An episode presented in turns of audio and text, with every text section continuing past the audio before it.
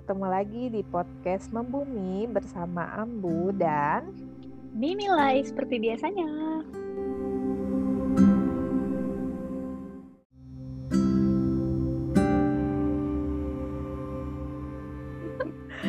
hari ini kita uh, enaknya bahas apa ya?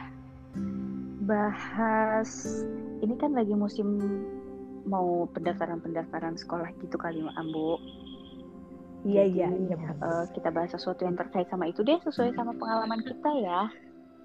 Betul betul betul. Iya kita uh, Unpad juga udah membuka pendaftaran ya. Iya. Satu S2 S3 gitu jadi uh, aku jadi inget sih dulu waktu pas kita awal-awal podcast tuh waktu introduction kan sebenarnya aku udah cerita nih kenapa dulu masuk hukum gitu tapi Mimi belum cerita loh kenapa dulu masuk hukum coba oh, iya ya jadinya ampun ya iya waktu itu aku cerita kan aku kenapa sampai terjebak di fakultas hukum iya, iya, gitu betul, kan betul.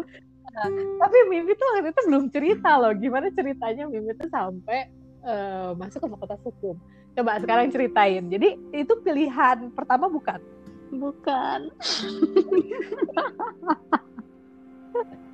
Jadi gimana ceritanya gimana? Jadi cita-citaku kandas di malam pengumuman UMPTN. Jadi sebetulnya pengen masuk mana? Ya, anak-anak zaman dulu siapa lah yang mau masuk kedokteran? oh, pengen jadi dokter. Iya, itu kan cita-cita anak-anak 80-an.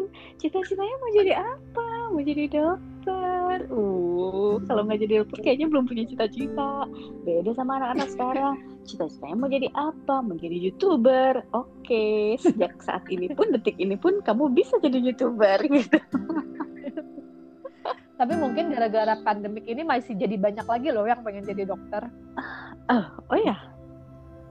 Bisa ya, jadi kan? Di luar itu nggak tahu lah ya. Pokoknya eh, aku itu eh, IPA kan, waktu SMA tuh IPA. Ya. Terus um, pilihan pertama nggak nggak tahu dulu nggak tahu ada pilihan pertama, kedua, ketiga dan sebagainya. Jadi pas pertama kali uh, harus memilih memilih apa yang kepikiran udah nggak ada lagi. Dokter ya udah fakultas kedokteran. Terus mau apa lagi? Sesungguhnya aku itu pengen jadi dokter hewan juga selain jadi dokter orang gitu oh. karena kan emang dari dulu emang doyan uh, binatang pet kayak gitu gitu ya. terus hmm. uh, pengen jadi dokter hewan sebetulnya. Tapi saat itu dokter hewan hanya ada di IPB Unpad belum buka seperti sekarang. Udah ada nih fakultas kedokteran hewan di Unpad. Dulu tuh belum ada. Jadi masih cuma di IPB dan ya gitulah nggak nggak dapat izin untuk sekolah jauh-jauh. Anak cewek udahlah di Bandung aja gitu. Oke akhirnya sama kan, banget ya sama lah sama bagian sama sama sama, sama ambu bagian itunya. Tapi kemudian pilihan kedua dan pilihan ketiga tuh mau apa gitu. Sebetulnya aku pengen psikologi juga gitu. Karena emang seneng aja gitu kayaknya kayak dari bacaan-bacaan aku suka uh, hal-hal yang berbau-bau psikologi gitu. Terus uh, pengen psikologi juga nih. Nah tapi karena waktu itu zaman bimbel dong ya, zaman bimbel jadi kita ada tempat bertanya gitu. Saya harus gimana nih? Pengen milih ini, pengen milih itu, bagusnya gimana? Nah pas di situ kalau kamu ngambil psikologi nggak mungkin karena kedokteran sama psikologi itu rankingnya deketan jadi janganlah ngambil itu oke ya udah terus uh, apa dong uh, biologi pokoknya tuh kekeh gitu pengen ke sesuatu yang ber, berhubungan sama tumbuhan hewan dan manusia. Anak IPA banget lah ya iya, pokoknya anak gitu IPA ya. banget gitu. Oke okay, ya biologi. Nah oke okay, kalau gitu biologi pilihan kedua saya ya. Terus satu lagi berarti harus ada pilihan IPS-nya apa ya? Ya karena papa lulusan fakultas hukum jadi udah fakultas hukum aja. Ya udah deh fakultas hukum aja deh dalam garis bawah deh terus udah gitu jangan fakultas hukum jadi itu, pilihan ketiga bukan kedua bukan uh, jadi pilihan kedua karena jangan fakultas hukum itu uh, dia rate-nya lebih tinggi dibandingkan dengan biologi. Hmm. Jadi aku harus pilih kedokteran, kedua hukum, ketiga baru gitu.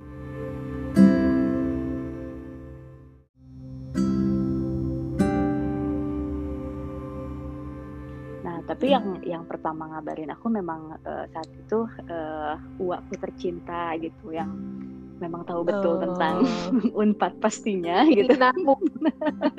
terus beliau yang pertama yeah. kali ngabarin aku, terus uh, ya selamat katanya kamu masuknya ke hukum. Oh, itu mah bukan selamat aku bilang gitu.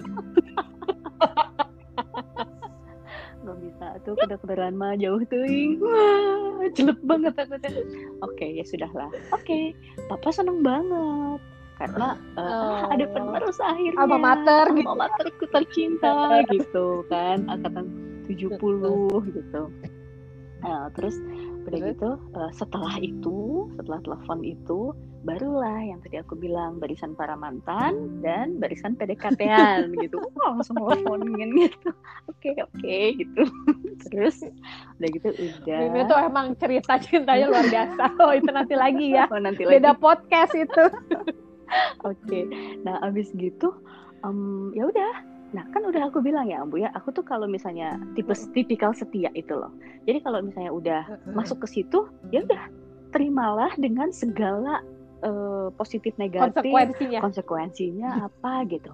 Ya udah pas uh, mulai kuliah di situ udah udah enjoy aja gitu. Dan setelah itu aku menemukan keenjoyan lainnya yaitu di lingkung seni Sunda. Jadi aku sambil kuliah bisa sambil berkreasi uh, menari-nari gitu. Yang uh, sorry to say gitu ya bukannya aku apa ya mendiskreditkan fakultas kedokteran tapi kalau misalnya mungkin aku berharapnya eh bukan berharap aku berpikirnya kalau aku di fakultas kedokteran mungkin aku uh, belajar terus kali ya nggak mungkin punya waktu untuk nari kali ya gitu. Ya tapi wallahu alam gitu. Nggak mungkin ketemu sama ama jadinya kan ya.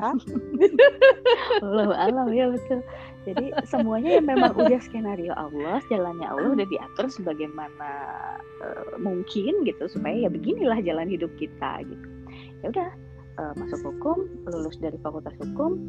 Setelah itu uh, sekolah lagi Nah, sekolah lagi, fakultas hukum lagi, ngambil S2 gitu, ilmu hukum. Kalau Ambu kan bukan ya? Bukan. S2-nya. Kan sebelum cerita S2, mm-hmm. uh, sebelum cerita S2 sebetulnya berarti pengalaman kita sebetulnya uh, mirip ya. Maksudnya artinya sebetulnya rata-rata dan itu juga aku dengar dari mahasiswa-mahasiswa wali ini ya yang cerita gitu ya. Memang rata-rata sebetulnya tuh nggak semua anak yang masuk ke satu fakultas tertentu tuh emang udah teguh pendirian pengen di situ gitu kan. Iya. ya kan? Rata-rata tuh emang ya kejeblos nggak iya. sengaja atau ya maksudnya alasan-alasan yang praktikal disuruh. Orang tua itu paling banyak deh gitu kan. Iya. tapi rata-rata pengaruh orang tua tuh paling banyak gitu ya.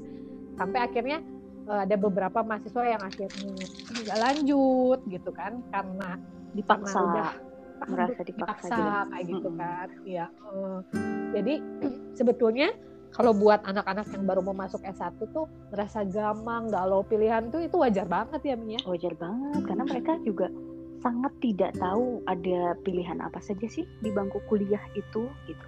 Iya. bahkan kemarin nih jadi juga Eh, aku uh, ada ada webinar gitu tentang bagaimana mengarahkan anak-anak gitu pendidikan anak di saat uh, eh, WFH atau stay uh, apa work from home stay home. Jadi di di di di apa di pas diskusinya tuh mereka ada yang nanya itu saya punya anak anak saya kelas 2 SMA tapi dia belum tahu mau milih jurusan apa untuk kuliahnya. Nah kelas 2 SMA artinya aku pun pada saat SMA aku nggak tahu mau jadi apa gitu dulu tuh. Kayaknya tuh cita-cita tuh udah cuma segitu-gitunya. Di antara kalau cowok pengen jadi pilot kalau cewek pengen jadi dokter. Zaman kita ya. Zaman kita zaman kita. nah terus ya pengennya sih semakin ke sini tuh semakin ada edukasi sejak dini yang memberikan profesi-profesi. Tapi aku lihat sekarang di SD SD sekarang tuh udah gitu. Ada di salah satu SD yang temanku uh, anaknya salah satunya eh, di situ itu tuh udah ada pengenalan profesi sejak dini. Jadi profesi ya, apa pun betul, betul. gitu dikenalkan sama ya. teman-temannya supaya mereka tahu oh ada ini ada itu gitu. Iya betul betul. Jadi sebetulnya buat para penghuni bumi yang sedang galau gitu mengambil kuliah apa tuh nggak usah terlalu dipikirin juga dijalanin aja ya Mi ya gitu dijalanin kan aja dan dicari Karena, tahu kali ya. Iya tahu tapi maksudnya kalaupun ketika ternyata masuknya bukan ke pilihan pertama tuh juga nggak usah terlalu dipikirin. down hmm, gitu kan. Betul betul.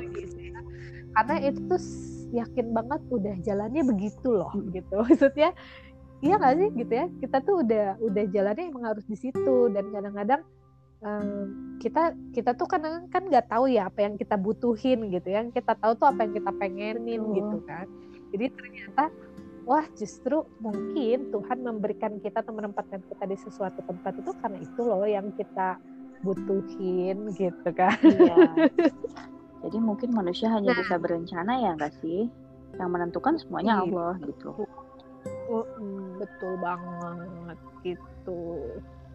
Eh, terus, wah, lagi udah mulai mau udah masuk aja Iya, nih, udah nggak apa-apa lah ya. Sambil sambil ngobrol kita. Eh, terus eh, pas lagi masuk S2 nih, Mi. Nah itu kalau S1 kan nggak kebayang ada beasiswa atau enggak ya. Kalau sekarang sih udah loh. Dulu aku waktu S1 sih nggak nggak pernah kebayang bakal masuk fak- sesuatu lewat beasiswa gitu. Kalau kalau zaman kita ya gitu ya kayaknya pas masuknya ngedengar ya ah, per masuk masuk ke satu universitas itu eh, kayak nggak nggak pernah nyari-nyari Nggak gitu sih nyari-nyari. beasiswa. karena gitu. udah tahu lah Nggak nyari-nyari. ADB gitu kan beasiswanya ayah dan bunda ya nggak sih betul Mm-mm. betul gitu. tapi pas Tapi kalau dilihat kuliah sekarang kenapa mbak Nah, kalau dilihat sekarang, ya kalau kita, kita kan, tapi pas masa kuliah tuh sempat dapat loh aku beasiswa, Iya. beasiswa pelajar prestasi Nah. apa ya waktu itu eh masih iya yang cuma berapa ratus tapi ya lumayan lah Iya, ya buat adikku juga sempet dapet tuh Mm, mm, mm, mm. akhirnya Gara yang pokoknya buat yang IPK-nya sekian lah gitu Iya. itu kan. Nah, tapi kalau sekalian sekarang sih ya Mi ya, anak-anak sekarang kalau lihat anak-anak SMA, aku ada keponakan-keponakan tuh mulai S1 juga udah mulai loh beasiswa, apalagi kalau yang memang pengen sekolah ke luar negeri. oke Jadi kesempatan beasiswa S1 tuh sekarang justru juga udah mulai kebuka. Kalau dulu kan kayaknya apa sih nggak ada sih beasiswa Iya, S1 gitu iya. loh, nggak kebayang gitu beasiswa S1 tuh ada gitu ya. Ya sekarang ternyata ada gitu. Di Unpad sendiri pun ada kan Mm-mm. beasiswa untuk S1. makanya suka ada open house ya pameran pendidikan gitu kan Betul betul. Jadi sekarang tuh sebetulnya kesempatan untuk pendidikan tuh udah lebih jauh lebih terbuka lah ya, nggak selalu harus buat yang punya uang aja gitu sebetulnya. Gitu. Nah, eh, nah tapi karena kita nggak pernah ngerasain beasiswa apa nyari beasiswa waktu S1 juga nggak- bisa juga ngasih komen. Cuma kalau lihat dari baca berita, terus baca cerita-cerita dari keponakan-keponakan, aduh udah keponakan udah punya kuliah, udah udah kuliah itu kayak yang banyak kok gitu ya. Apalagi kalau misalnya emang niat sekolah ke luar negeri itu banyak banget. Sebetulnya beasiswa baik dari lembaga beasiswa ataupun dari si pemerintah di negaranya. eh, apa negara eh, negaranya gitu. Betul. mereka punya proporsi untuk mahasiswa asing walaupun ya nggak sebanyak buat mahasiswa negaranya gitu Iya. kan. Nah waktu S2 Mimi pakai beasiswa. Aku enggak kan? Beasiswa Nah, waktu dulu S2 ADB oh, juga? kamu nggak ada nggak beasiswa? Oh ADB ADB juga. juga beasiswanya. Salah. Oh bukan Mimi berarti oh, temen yang lain deh. Temen yang lain dapat beasiswa. Waktu S2 ngambilnya hukum lagi kan? Ngambilnya hukum lagi. Karena memang karena waktu itu pengen ngambil S2 apa? Karena emang udah jadi asisten dosen atau gimana sih? Oh bukan. Karena kan waktu itu aku kejeblos lagi masuk S2 jadi hidupku ini Kejeblos lagi nih. kejeblos berulang-ulang S2 itu. Aku lulus Heeh. eh, S1 Mhm. nah setelah lulus S1 itu tahun ke satu tahun kedua nah pas di tahun kedua itu aku sempat ceritakan ya? Eh, aku masih yang pengen jadi Eh, diplomat. Eh, aku masih belum jadi Hah? belum apa masih belum punya kerjaan juga. Nah oke cita-cita pertama aku pengen jadi dokter gitu ya cita-cita kedua aku pengen jadi diplomat dan itu juga kandas gitu si cita-cita itu. Setelah aku dua tahun nganggur gitu. Dan aku tidak menyadari bahwa aku tuh udah nganggur dua tahun ambu. Nah jadi tetehku itu saking banyaknya bilang, kegiatan. Saking nari nari melulu gitu. Sampai pernah. Eh tapi kenapa? Yang diplomat itu sempat daftar nggak jadi sempet, diplomat? Sempat daftar, sempat daftar yang ikutan daftar. di Jakarta tapi tes gagal, kayak gitu, ah, tapi gagal. Ya udahlah, toh kegagalan itu adalah kesuksesan yang tertunda ya. Kita bisa ngomong kayak gitu sekarang. Betul tapi saat. Itu, mungkin saat itu terpuruk, saat itu sih. merasa paling ah, paling bodoh sendiri, paling on sendiri gitu. Tapi akhirnya ya oke okay lah gitu uh, semua itu perlu dijalani dan kalau udah dijalani ya pasti ada hikmah di balik semua itu gitu. Okay. gitu ampun. Jadi waktu itu kasih kanari. Kasih kanari. Terus akhirnya siapa tuh yang? Jadi siapa yang nyaratin untuk S2? Yang nyaratin untuk S2 itu teteh sepupu aku. Jadi teteh sepupu aku bilang oh. ngingetin, kamu nggak lagi fresh graduate, udah dua tahun, gitu. Law firm law firm itu nyari yang fresh graduate, nggak nyari yang dua tahun gak ada kerjaan. Nanti mereka bertanya-tanya kenapa anak ini? Gitu dua tahun gak ada kerjaan gitu. Lah oh ya gitu. Aku baru nggak juga. Karena aku gak berpikir untuk bekerja yang lain. Nah itu itu dia. Jadi uh, apa uh, tentang profesi lagi-lagi. Kita tuh tidak uh, bukan uh, bukan kita maksudnya aku kali ya pada saat itu tidak punya pilihan profesi yang banyak gitu jadi profesi aku tuh terbatas sama apa yang aku lihat apa yang aku dengar gitu. Nggak punya informasi yang memadai untuk profesi-profesi lain gitu.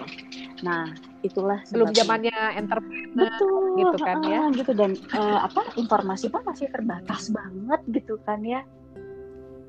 Nggak iya, kayak anak-anak sekarang yang semuanya semuanya bisa dilihat dari internet gitu. Nah udah gitu uh, aku sempet loh waktu itu yang ada tes uh, di bank tertentu terus aku lebih memilih nari manggung dan yang yang tes di bank itu akhirnya aku tinggal. Karena apa? Karena aku takut keterima juga gitu di situ. Ya nanti kalau karena kamu pengennya jadi diplomat iya, jadi, gitu aduh, kan? kalau aku keterima di bank nanti aku mah suka kejeblos gitu anaknya. Jadi kalau udah kejeblos deh doyan gitu. Parah kan? Udah gitu akhirnya ya udah uh, aku enggak enggak milih itu akhirnya uh, nari-nari aja terus sampai dua tahun gitu kan enggak fresh graduate lagi akhirnya dia kamu sekolah aja sana sekolah ya oh ya udah ya udah sekolah sekolah setelah sekolah yang aku bilang tadi jadi dosen akhirnya uh, eh, S3 pun kejeblos karena udah jadi dosen. Kalau udah jadi dosen kenapa? Enggak sampai jenjang pendidikan yang tertinggi. Jadi kalau S3 buat kami kami sebagai dosen mah ya memang kudu setengah kewajiban juga ya. Keharusan gitu. Jadi ya mau nggak mau gitu. Yeah. Ya harus gitu. Mau mau mau mau enggak juga harus gitu kan. Nah, Mimi tapi waktu S3 nggak mikir sekolah di luar negeri. Eh jadi selama S2, S3 tuh nggak pernah kepikiran untuk sekolah di luar negeri? Pernah. Jadi pas aku nari-nari di uh, kan aku nari-nari itu dalam rangka uh, diplomasi kebudayaannya Unpad. Jadi kita ngadain kerja sama-sama mana, penjajakan MOU sama mana, terus uh, apa ya mau ada pembukaan acara apa gitu di mana. Nah, kayak gitu-gitu. Nari-nari itu bukan yang tanpa alasan gitu. Nah, uh, pada saat yeah. itu pernah di Ceko, terus mau penjajakan MOU sama Ceko antara uh, Fakultas uh, Ilmu Budaya, waktu itu masih sastra, terus baru kemarin ini loh Ambu aku lagi beres-beres di rumah terus aku lucu aja ketawa sendiri. Ih dulu tuh aku sempet pengen apply ke sekolah ini gitu. Untuk S2 hmm, tapi double degree ya? uh, tapi double degree yang aku udah sampai uh, ijazah kayak gitu-gitu udah ditranslate ke bahasa-bahasa eh ke bahasa Inggris gitu. Udah yang sampai uh, apa udah bikin apa ya kayak resumnya gitu untuk apply gitu. Aku senyum senyum sendiri aja. Aku pernah ya kayak gini ya. Dan itu aku sempat lupa loh ambu aku sempat lupa. Terus nggak jadinya kenapa? Nggak jadinya? Lupa aku juga, juga kenapa? Itu nggak jadi kenapa gitu. Oh kalau aku nggak salah karena aku berasa uh, effortnya terlalu besar aja karena untuk di Ceko itu harus belajar bahasa Ceko gitu. Karena mereka tidak menggunakan bahasa Inggris sebagai bahasa pengantarnya. Itu effortnya besar buat aku karena aduh gimana ya? Kalau aku harus belajar itu dulu nanti satu tahun. Habis gitu nanti ini nanti itu double degree kalau aku nggak salah. Gitulah pokoknya akhirnya nggak jadi aja. Gitu. Oh. kalau aku juga soalnya kalau aku tuh sebetulnya dari dulu cita-cita banget eh enggak dari dulu tuh maksudnya setelah kuliah tuh udah cita-cita pengen sekolah lanjutan itu di luar di luar gitu. Jadi dari lulus tuh udah pengen banget uh, ngambil S2 di luar gitu kebetulan punya sepupu yang juga pengennya sama gitu. Jadi kita rajin banget nyari-nyari apa namanya sekolah gitu kan gimana. Terus apalagi kan aku terus di NGO gitu sempat di NGO terus lihat ada mereka tuh yang pada di sekolah-sekolah pakai dapat beasiswa. Kan kalau kerja di NGO tuh kayak waktu zaman kita tuh lebih gampang ya untuk dapet beasiswa-beasiswa di luar yeah. gitu. Dulu tuh gitu. Uh, jadi sempat pengen banget gitu, udah nyari-nyari. Apalagi kalau hukum lingkungan kan emang di Indonesia nggak belum terlalu banyak ya gitu, tapi di luar tuh udah banyak berkembang gitu. Jadi sempat nyari, udah udah ditandain lah beberapa, udah sempat juga udah udah lihat juga apa aja kebutuhannya. Udah sempet kursus IELTS kayak gitu kan untuk untuk memenuhi itu gitu. Uh, waktu itu kan harus untuk dapat untuk dapat beasiswa tuh untuk kita apply beasiswa kita harus dapat LOE dulu kan yeah. gitu cuma masalahnya kembali tidak ada restu orang tua hmm. Hmm. jadi kayaknya um, nggak tuh ya kadang-kadang aku jadi berpikir memang restu orang tua itu me akan mempengaruhi jalan hidup kita nggak sih kalau aku sih gitu jadi ketika orang tua nggak merestui itu kayaknya tuh jalannya tuh nggak nggak mulus nggak gitu. nyampe nyampe yeah. gitu loh nggak nyampe. Ya walaupun uh, walaupun memang banyak sih yang bilang selama kita bertekad tuh nanti akan merubah merubah si pola pikir orang tua bisa jadi gitu ya. Nah bisa juga seperti itu. Tapi di in my case gitu ya dalam kasus aku sih nggak gitu gitu. Jadi walaupun aku pengen uh, banget udah juga kursus gitu udah sempet nyari sekolahnya di mana gitu itu pengen di New Zealand iya asik banget sekolahnya nah, karena asik banget gitu kebayangnya uh, tapi tuh nggak nggak nggak nggak konek-konek gitulah ke sana gitu hmm. akhirnya uh, nah itu kenapa kata Mimik kok Ambu ngambil S2-nya bukan hukum iya, gitu. Iya. Tapi lingkungan. Karena, hmm, tapi lingkungan. Karena waktu itu sebetulnya pilihannya dua sih waktu itu. Jadi setelah nggak berhasil, eh, bukan nggak berhasil ya, jadi in progress juga sebetulnya. Jadi waktu itu S2 ya udahlah gitu ya, sambil sambil tetap kursus bahasa Inggris, tetap mencari-cari lah siapa sih profesor yang kira-kira nyambung lah sama bidang yang aku pengen gitu tapi ya di sisi lain kehidupan kita kan juga ada banyak kejadian ya gitu ya terus ternyata aku nikah gitu. Pas kuliah itu jadi enggak sebelum, oh, sebelum kuliah S2, kuliah S2 ya? Hmm. jadi sebetulnya ayah aku tuh bukannya nggak bolehin aku kuliah S2 di luar sih. Ya bukan nggak ngerestuin kuliah S2 di luar tapi pengennya aku nikah sebelum kuliah S2 uh, eh, aku pernah denger itu di mana ya? Di Instagram kamu ya? Satu Semarang ya? Eh iya pas papa ulang tahun ada dua apa ya? yang dilarang. Iya bentar bentar bentar. Aku mau ingat-ingat yang pertama adalah melarang kuliah di luar kota.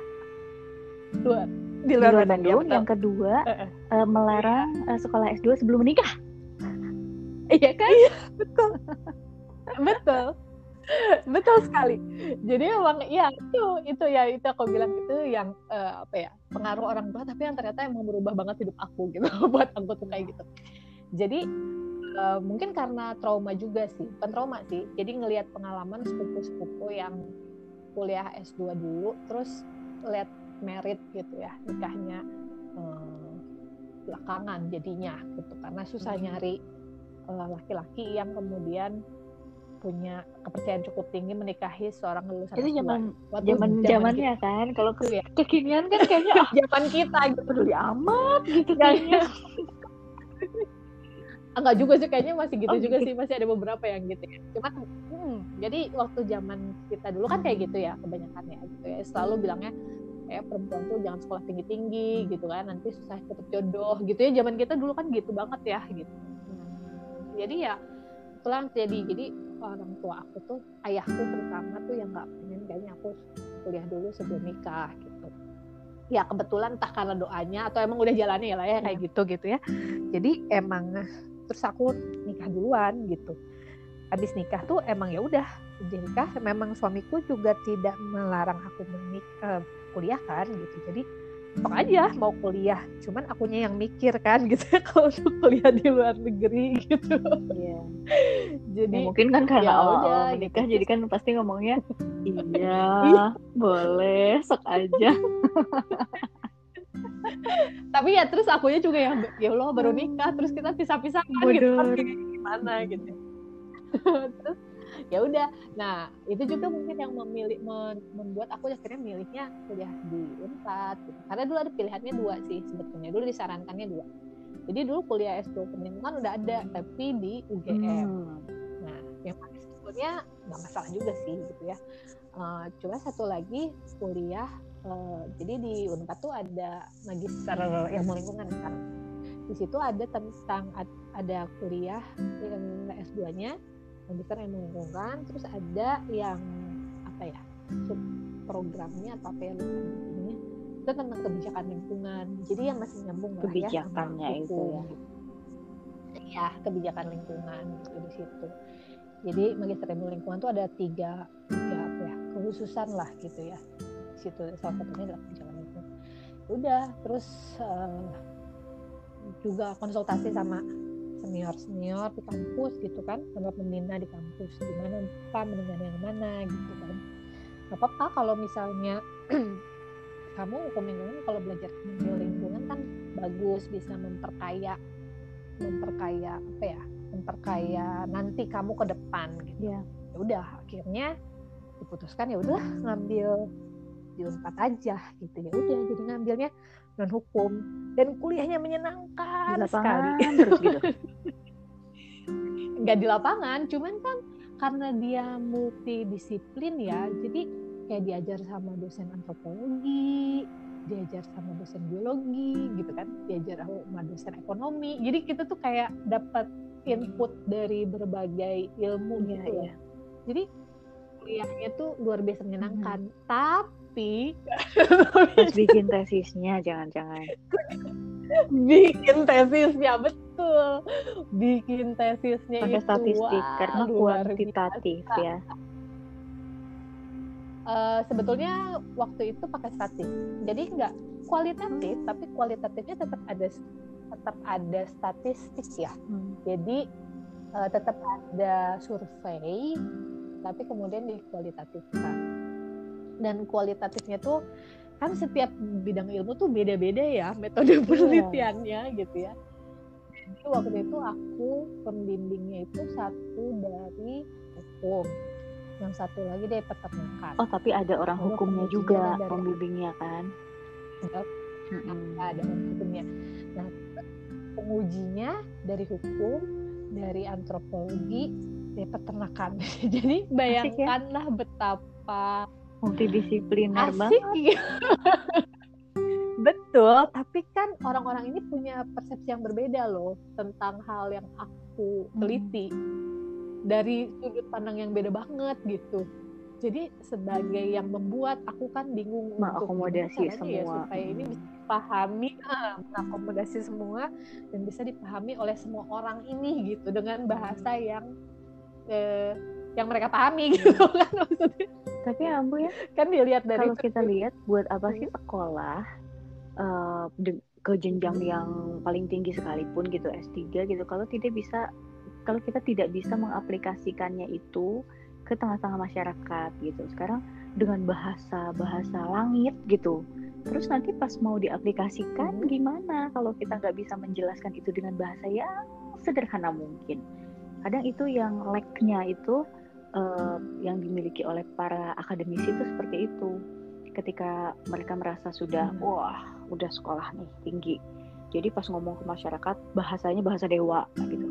Kadang-kadang dicampur aduk antara bahasa Indonesia bahasa Inggris gitu.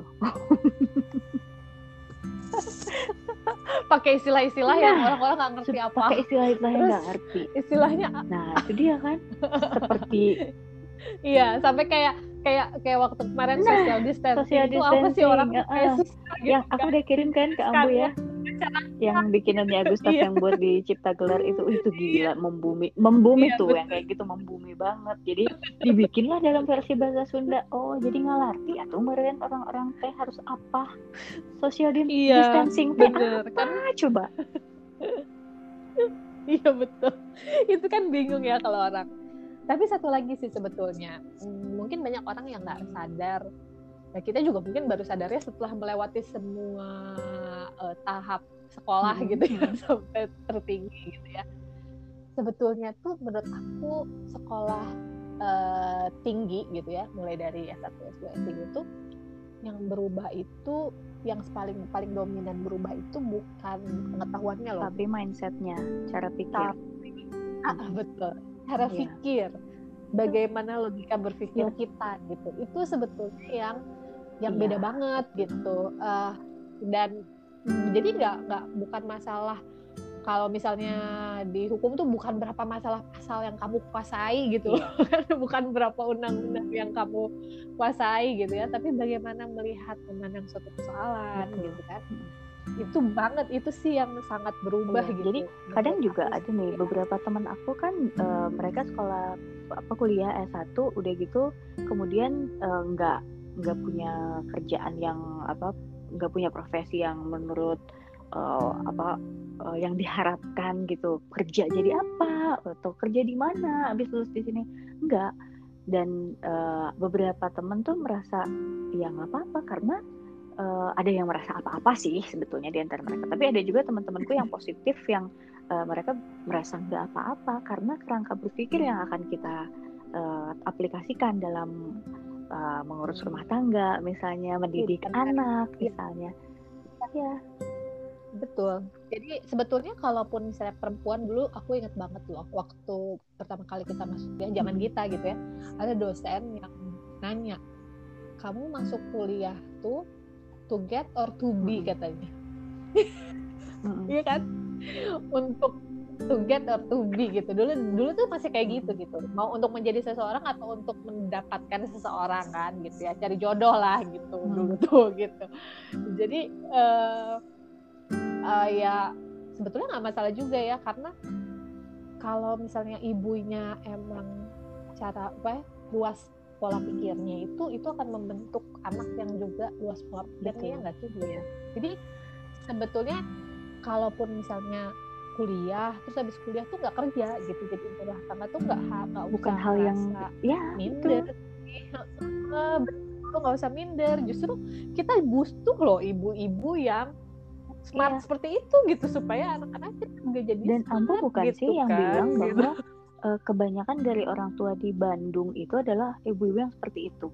Jakarta itu justru enggak iya, ya, karena orang-orang yang di Bandung itu mereka sekolah tinggi dan uh, apa akhirnya mereka uh, banyak yang enggak kerja, tapi mereka ngedidik anaknya tuh yang beneran serius gitu sampai jadi aktivis di sekolah-sekolah anaknya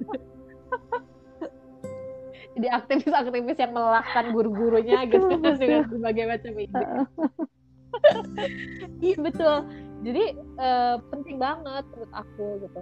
So aku ingat juga waktu zaman kuliah dulu ya hmm. di S1. Uh, eh, dulu kan waktu masih aktif di senat kampus fakultas universitas lah dulu hmm. gitu ya. Uh, sebetulnya aku nggak aktif cuman kan kadang-kadang ntar senat-senat suka kumpul gitu. Nah terus lucu banget deh. Jadi kalau kalau anak-anak eh cowok-cowok fakultas lain tuh bilang aduh duh, jangan sampai ada cewek-cewek fakultas hukum yang ngomong katanya gitu. Karena argumentatif. Betul. susah gitu iya. di debatnya Dan itu gitu sampai kan sekarang kan.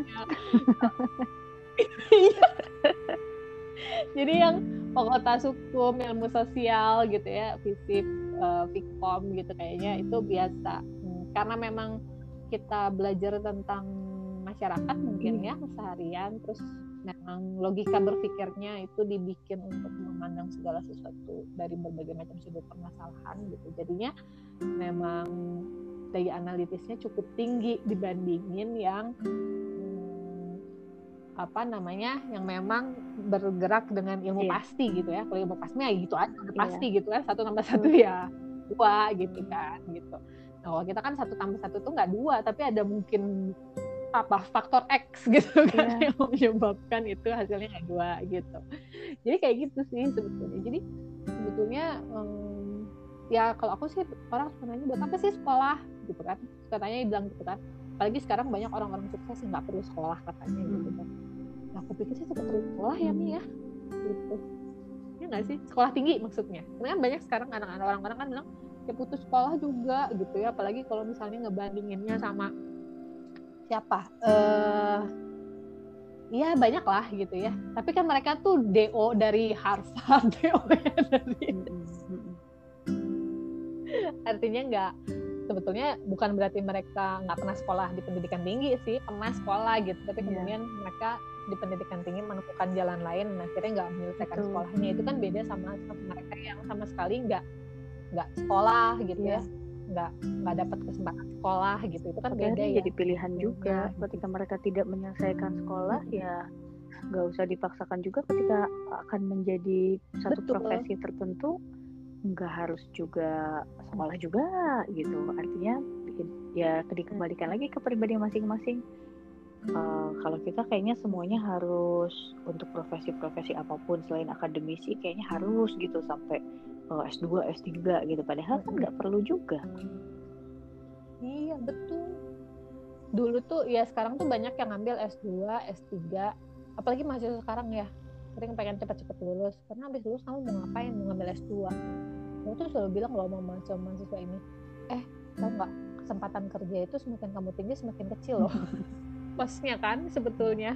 Iya maksudnya uh, kayak jumlah di perusahaan gitu kan perusahaan tuh ngasih pos untuk yang S2 sedikit, tuh akan lebih sedikit daripada yang satu. satu gitu kan ya. gitu jadi jangan merasa dengan kamu S2 itu maka kamu kesempatan kerjanya menjadi lebih tinggi gak juga gitu kan banyak yang kemudian lulusan S3 di luar negeri balik ke Indonesia nggak dapat pekerjaan kan gitu karena ya emang apa kesempatan untuk kerja S3 apalagi sesuai dengan keinginan mereka tuh di Indonesia ya nggak banyak ya, juga sebetulnya akhirnya mereka gitu. jadi pilih-pilih juga. Masa saya lulusan ini tapi uh, cuma di situ gitu atau? Betul. Iya makanya sebetulnya kalau buat yang lagi lagi mikir-mikir buat ngambil S2 S3 terutama menurut aku yang harus dipikirin bener tuh sebetulnya kamu mau ngambil S2 atau S3 itu buat alasan apa utamanya apa? Betul. Itu apa sebetulnya? Karena ya ada sih yang emang karena buat kenaikan pangkat gitu. Itu kayaknya alasan yang paling seperti kita yang sudah kejeblos paling gitu maksudnya. oh kalau kita kewajiban ya. Jadi dosen berarti harus sampai uh, gelar akademik tertinggi. Iya betul. Namanya juga jadi dosen kan gitu. Tapi kan di di bidang-bidang lain ada juga yang ngambil S2 kan karena untuk naik jabatan, pangkat gitu sebetulnya. Nah sebetulnya kalau aku lihat kadang-kadang kalau misalnya emang buat naik jabatan, naik pangkat gitu, ngambilnya sih eh, lebih ke manajemen kali ya atau tapi di sisi lain bagus juga sih ketika ada uh, yang di instansi tertentu ngambil S2 S3 nanti mereka sekarang ini kan hmm. lagi banyak uh, apa ya program dosen tamu atau dosen luar biasa gitu jadi uh, karena mereka paham teorinya dan mereka sangat ngerti dengan aplikasinya di lapangan seperti apa nanti mereka bisa kembali ke kampus untuk ngasih pencerahan buat uh, apa mahasiswa di kampus supaya tahu oh teorinya seperti ini dalam prakteknya seperti ini gitu. Kalau di bidang hukum sih masih mungkin untuk beberapa instansi nggak sih? Iya betul. Nah mungkin terakhir nih nih kan kita sama-sama ngambil beasiswa ya. Akhirnya setelah dua dua tahap menggunakan ADB apa tadi ini bilang? ADB ayah dan bunda. Uh, iya. Aku yang kedua nggak ADB ya. Apa dong singkatannya? Uh, dari suami ya yang kedua ya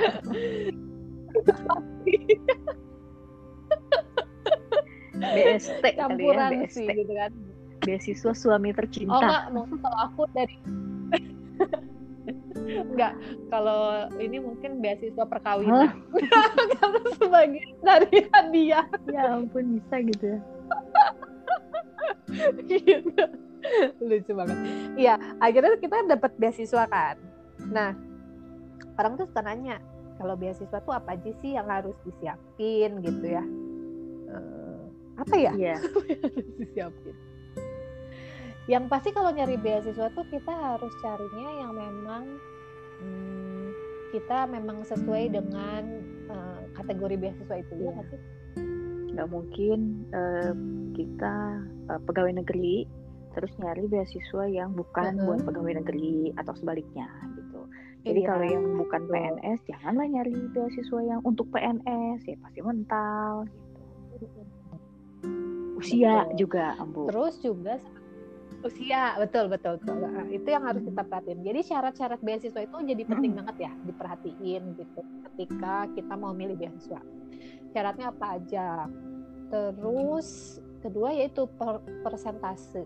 Mau beasiswa dalam negeri atau luar negeri biasanya mereka ada persentase nih. Misalnya kayak buat beasiswa untuk ini ada sekian persen untuk di daerah timur sekian persen buat perempuan gitu ada ada yang kayak gitu-gitu gitu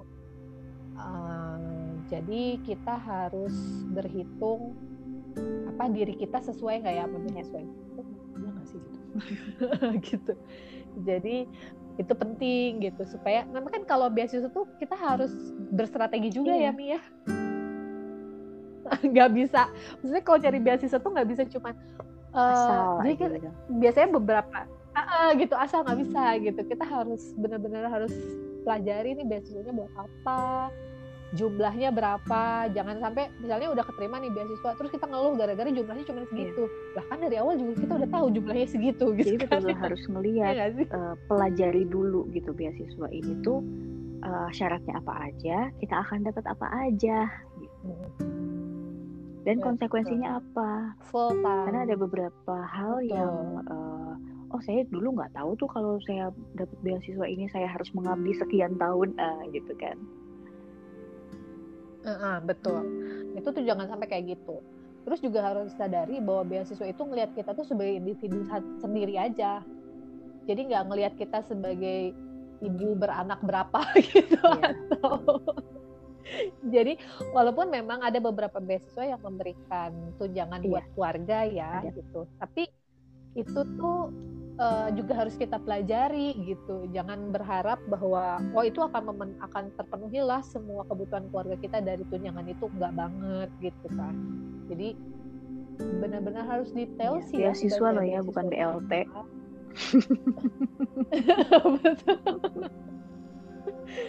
Jadi kita harus uh, harus lihat gitu. Kalau misalnya buat buat PNS juga harus bisa ngitung di iya. awal ya. gitu ya kalau dapat beasiswa biasanya kita jadi tugas belajar Betul. kan artinya nggak dapat sertifikasi iya kalau dosen. dosen kalau yang di uh, kalau yang PNS biasa mungkin remunnya nggak ya. dapet gitu kan ada beberapa komponen pendapatan yang kemudian hilang ketika kita mendapatkan beasiswa dan itu harus dihitung dari awal gitu supaya nanti ketika kita kuliah tuh nggak kaget sama yang kayak gitu yeah. gitu ya.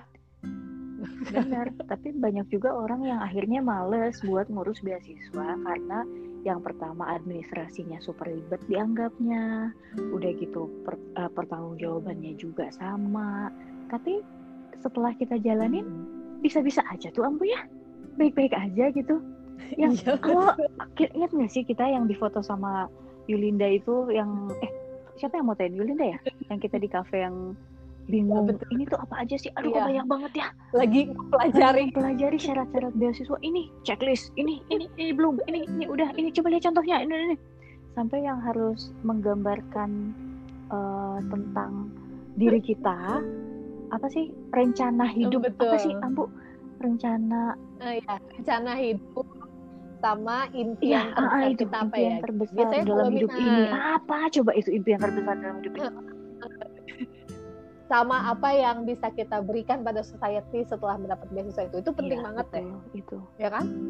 Iya karena um, gini uh, waktu jadi aku jadi jadi inget tuh waktu waktu heboh mau di Ayunda dapat dua tawaran Oxford dari dan universitas terkenal. Uh, apa satu lagi? Harvard eh gitu, bukan kan. Oxford Sta Stanford. Harvard kan? Eh. Dan Harvard. Ya. Stanford ya betul dan Harvard. Itu kan heboh yeah. banget gitu. Ya. wah dia mah jelas privilege Enggak bla bla tapi tapi menurut aku orang tuh ngasih beasiswa itu ya maksudnya lembaga pemerintah ataupun apa pun ngasih beasiswa tuh is no clearance lah. Nggak ada tuh namanya makan siang gratis. Mereka pengen. Yang dikasih beasiswa itu giving back. Giving backnya bisa langsung ke mereka atau ke masyarakat kan itu ya pilihannya kalau yang giving backnya ke mereka yang misalnya tadi ada wajib wajib mengabdi atau wajib misalnya kerja di perusahaan A gitu ya ngasih beasiswa sekian tahun kan gitu kan.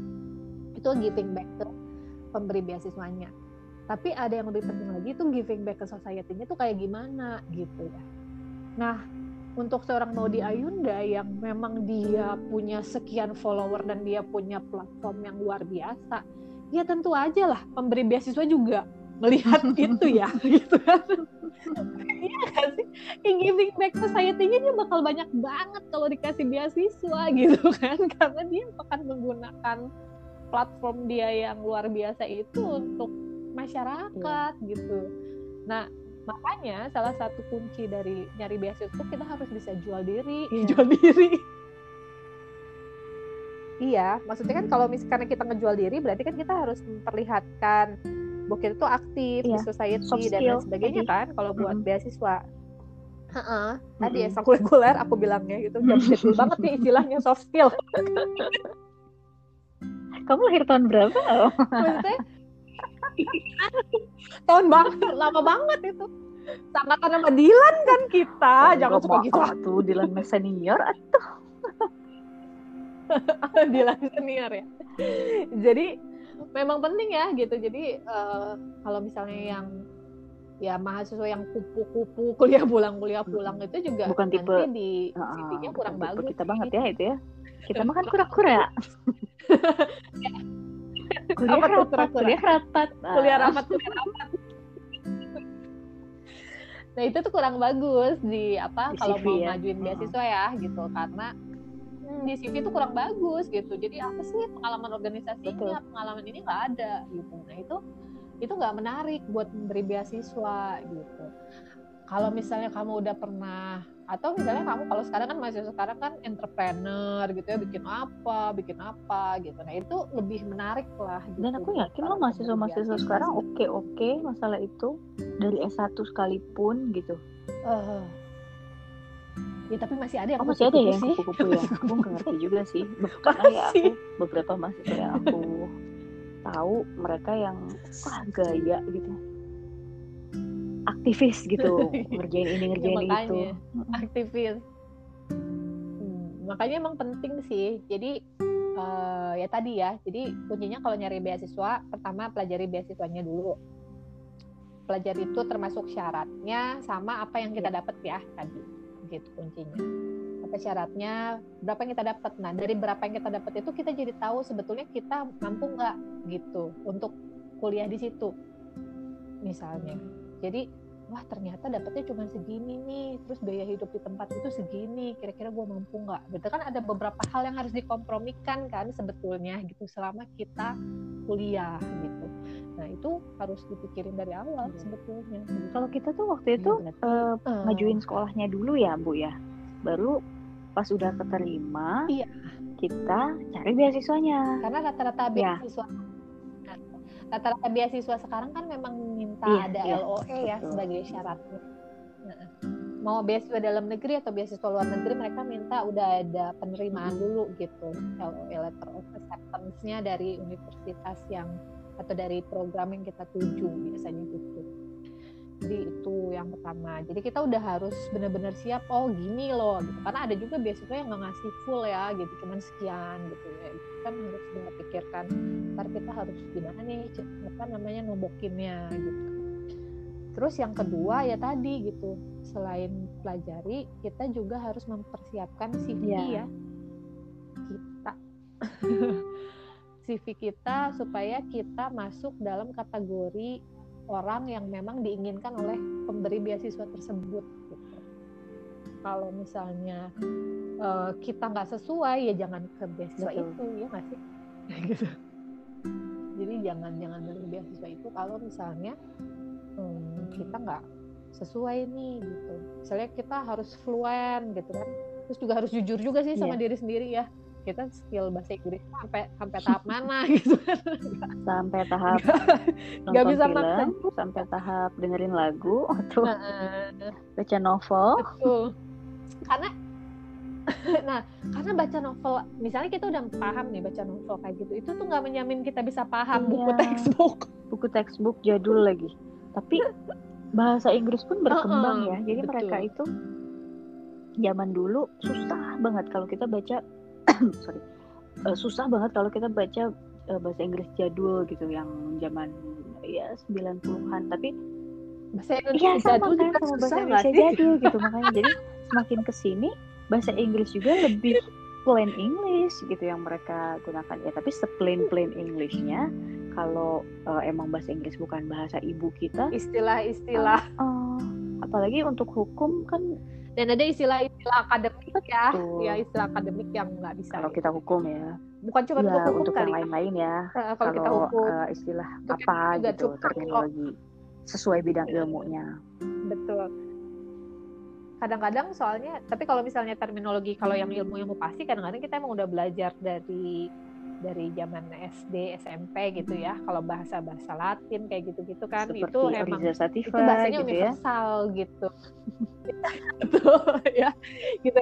Jadi um, apa nitrogen, hidrogennya kayak gitu-gitu kan emang bahasanya universal. Semua tahu itu sama bahasanya mau di negara mana pun gitu. Cuma kalau untuk yang di sosial itu banyak banget apa namanya istilah bahkan sekarang pun banyak banget istilah-istilah baru gitu ya new normal. New normal tuh apa kan? Semua orang sekarang lagi mencoba definisikan normal. gitu, new normal.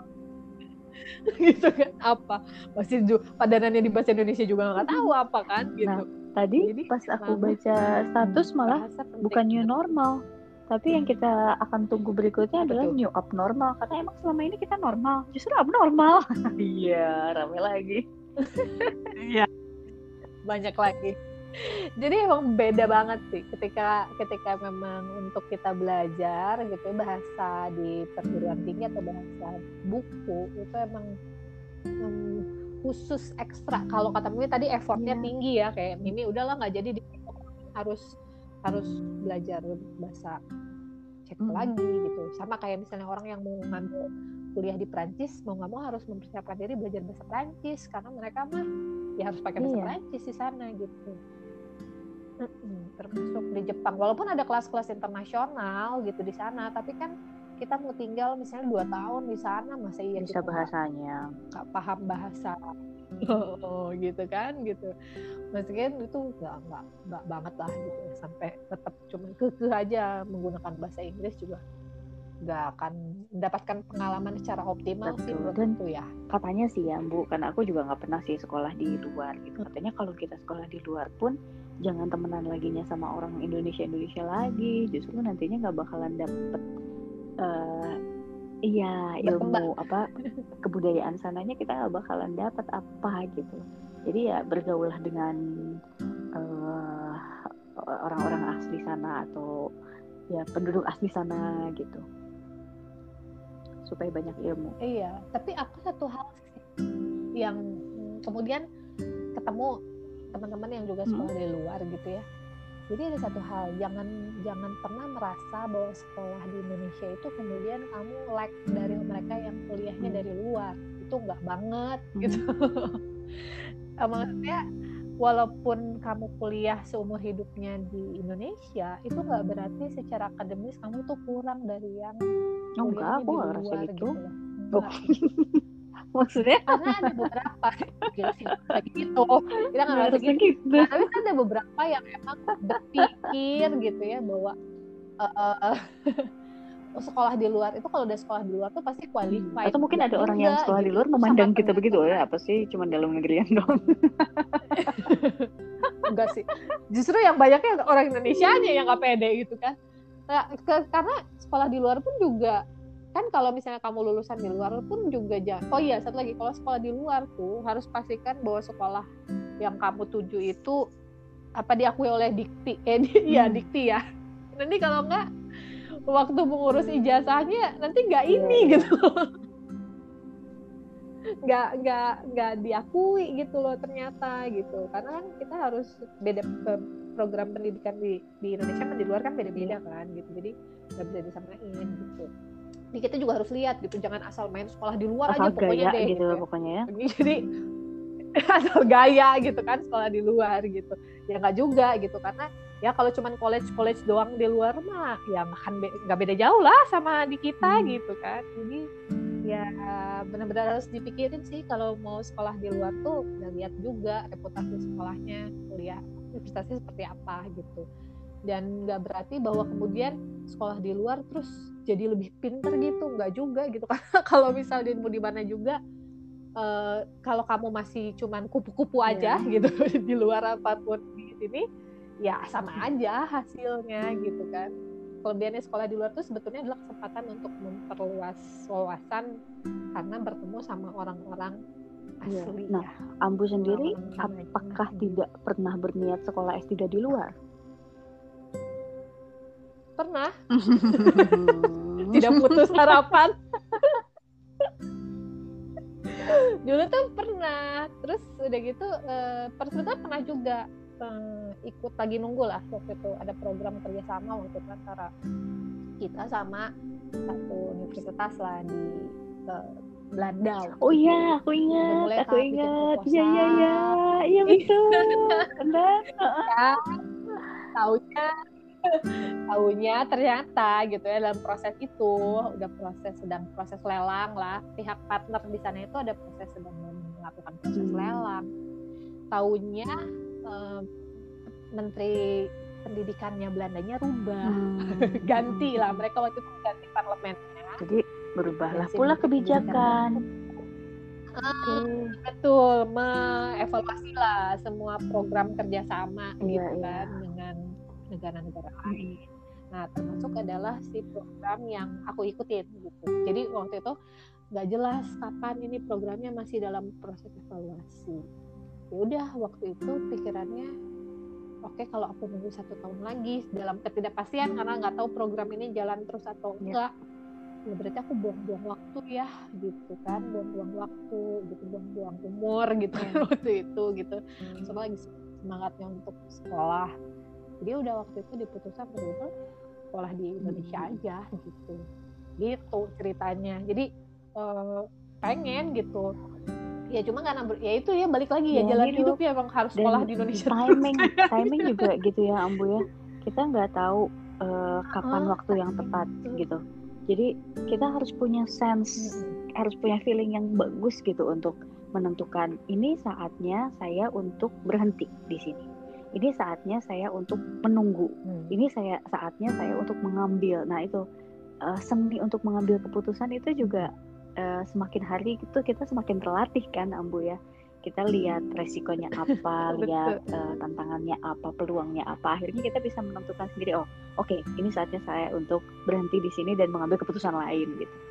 Ya, artinya udah bagus banget dong uh, keputusan betul. Ambu saat itu. Iya betul waktu itu.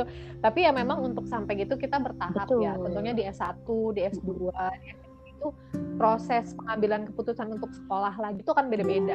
Jadi kalau untuk mau masuk ke satu kita masih penuh kegambangan itu udah biasa. Apa-apa nggak usah dipikirin. Emang begitulah gitu ya. Iya. Memang begitulah. Masuk yang mau ngambil S2 udah mulai banyak karena yang dipikirin mungkin bukan cuma orang tua, bisa jadi waktu S2 sih kita udah mulai kerja dan lain sebagainya gitu. Jadi emang mulai harus dipikirin kenapa sih kita mau ngambil kuliah lagi itu gitu ya. Apa apa ya apa effort seberapa besar effort yang kita harus keluarkan apakah kita punya energi untuk mengeluarkan effort itu gitu kan. Terus dan seberapa besar itu akan giving back sama hidup kita yeah. gitu. Penting gak sih buat hidup kita itu sebetulnya sekolah gitu Betul. gitu kan? Gitu yang harus dipikirin itu sih. Nanti setelah itu baru kita bisa ngambil keputusan. Ngambil S3 pun sama kayak gitu sih menurut aku gitu. Kalau aku S3 nggak ada loh. udah panjang banget nih kita mau iya. Huh? 60 Kenapa? menit nih kita. Aku kalau aku nggak pernah ada. punya pikiran huh? untuk sekolah S3 di luar. Oh, karena karena udah karena nikah. udah nikah, karena udah uh, punya anak saat itu. Jadi buat aku, Betul. aduh resikonya terlalu besar gitu kalau kalau aku ya pribadi. Mungkin ada orang-orang lain yang uh, bisa gitu mengambil resiko itu. Sanggup, sanggup. Dan itu kan pilihan kembali lagi itu pilihan. Silakan betul, aja betul, betul. Uh, seorang ibu uh, istri gitu dia mau memilih untuk tetap sekolah di dalam negeri atau di luar negeri itu pilihan. Silakan aja. Oh jadi jadi inget nih yang paling penting itu adalah support orang-orang terdekat ya.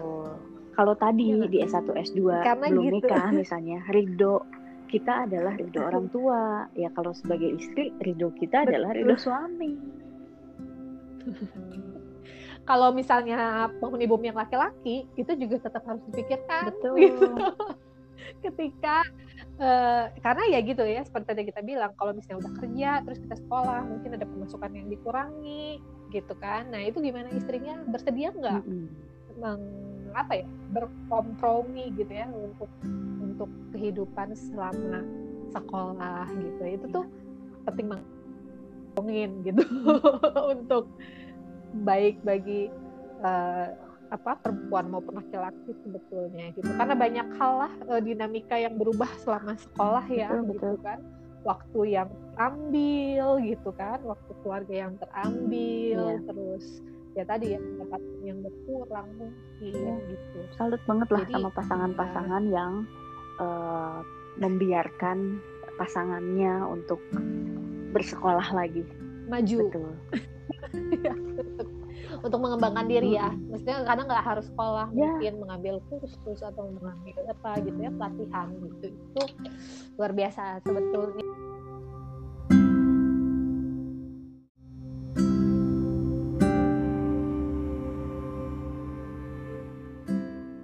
Oke, ngobrol-ngobrol kita sampai di sini dulu kali ya. Sampai ketemu lain waktu.